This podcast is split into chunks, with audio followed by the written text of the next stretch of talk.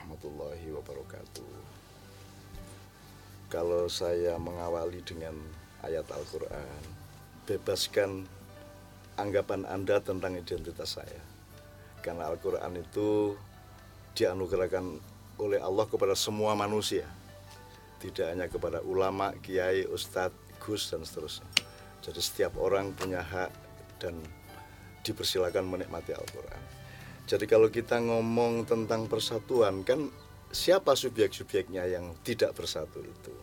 Nah kita lihat dasarnya dulu. Kalau Allah kan bilang, berfirman ya, A'udzubillahi minasyaitonirrajim ya ayyuhalladzina amanu eh ya ayyuhalladzina ya ayyuhan nas inna khalaqnakum min dzakarin wa unsa wa ja'alnakum syu'uban wa qabaila lita'arafu. Itu ayat 13 surat Al-Hujurat juz 26. Jadi kita nyicil aja.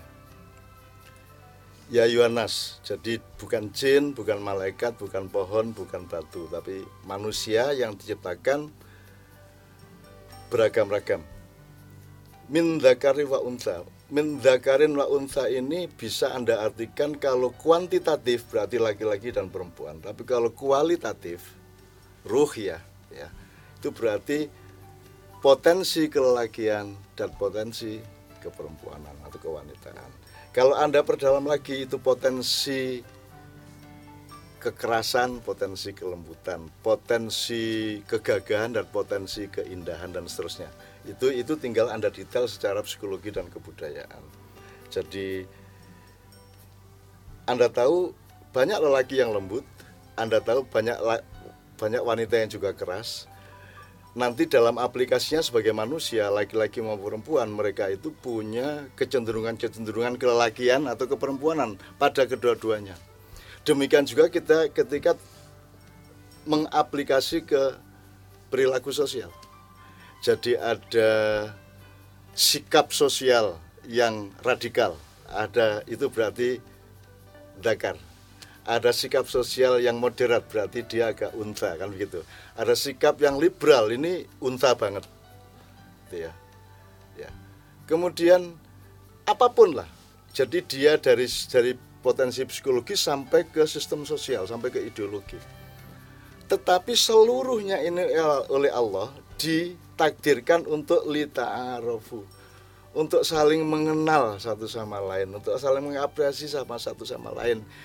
Jadi kalau Anda partai A, sebaiknya Anda itu mengenali partai B, C, D. Kalau Anda partai C, Anda tugas utama Anda adalah mengenali partai D, E, F dan seterusnya.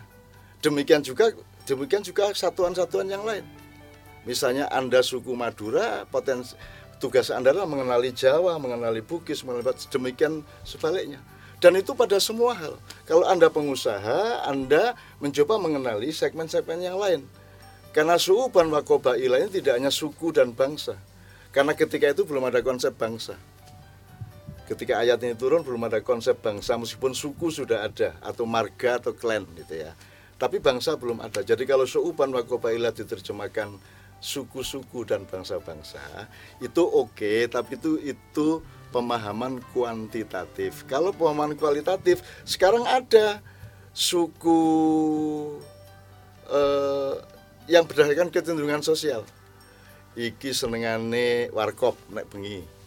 Iki warung angkringan, iki suku warung, iki suku angkringan, iki suku suku kafe, iki suku hotel diukur ada suku macam-macam jadi dalam kehidupan itu terdapat su'uban wa yang tidak terbatas jumlahnya ya dan kita harus mempelajari ayat ini sebenarnya adalah penjelasan mengenai tidak terbatasnya kemungkinan-kemungkinan kelompok dan golongan ya. Apa itu karena kepentingan, karena kecenderungan alam atau karena apa pun saja, tapi tidak akan pernah Anda bisa jadikan mereka itu hanya satu macam. Mereka semua selalu bermacam-macam. Kewajibannya sederhana lita aruf untuk saling kenal mengenal sekarang kan enggak. Kalau pro A bertemannya ya sama pro A kan begitu. Kalau kampanye partai B yang datang ya orang partai B. Berarti tidak lita arofu dan begitulah di mana-mana. Kalau sudah madhab A dia anti madhab B. Padahal seharusnya dia mengenali satu sama lain. Lita arofu dan itulah yang kita lakukan. Alhamdulillah saya dengan anak-anak saya dengan forum itu kan mengenal semuanya. Satu sama lain lita arafu hari ini saya batasi dan memang dibatasi oleh waktu sampai situ. Assalamualaikum warahmatullahi wabarakatuh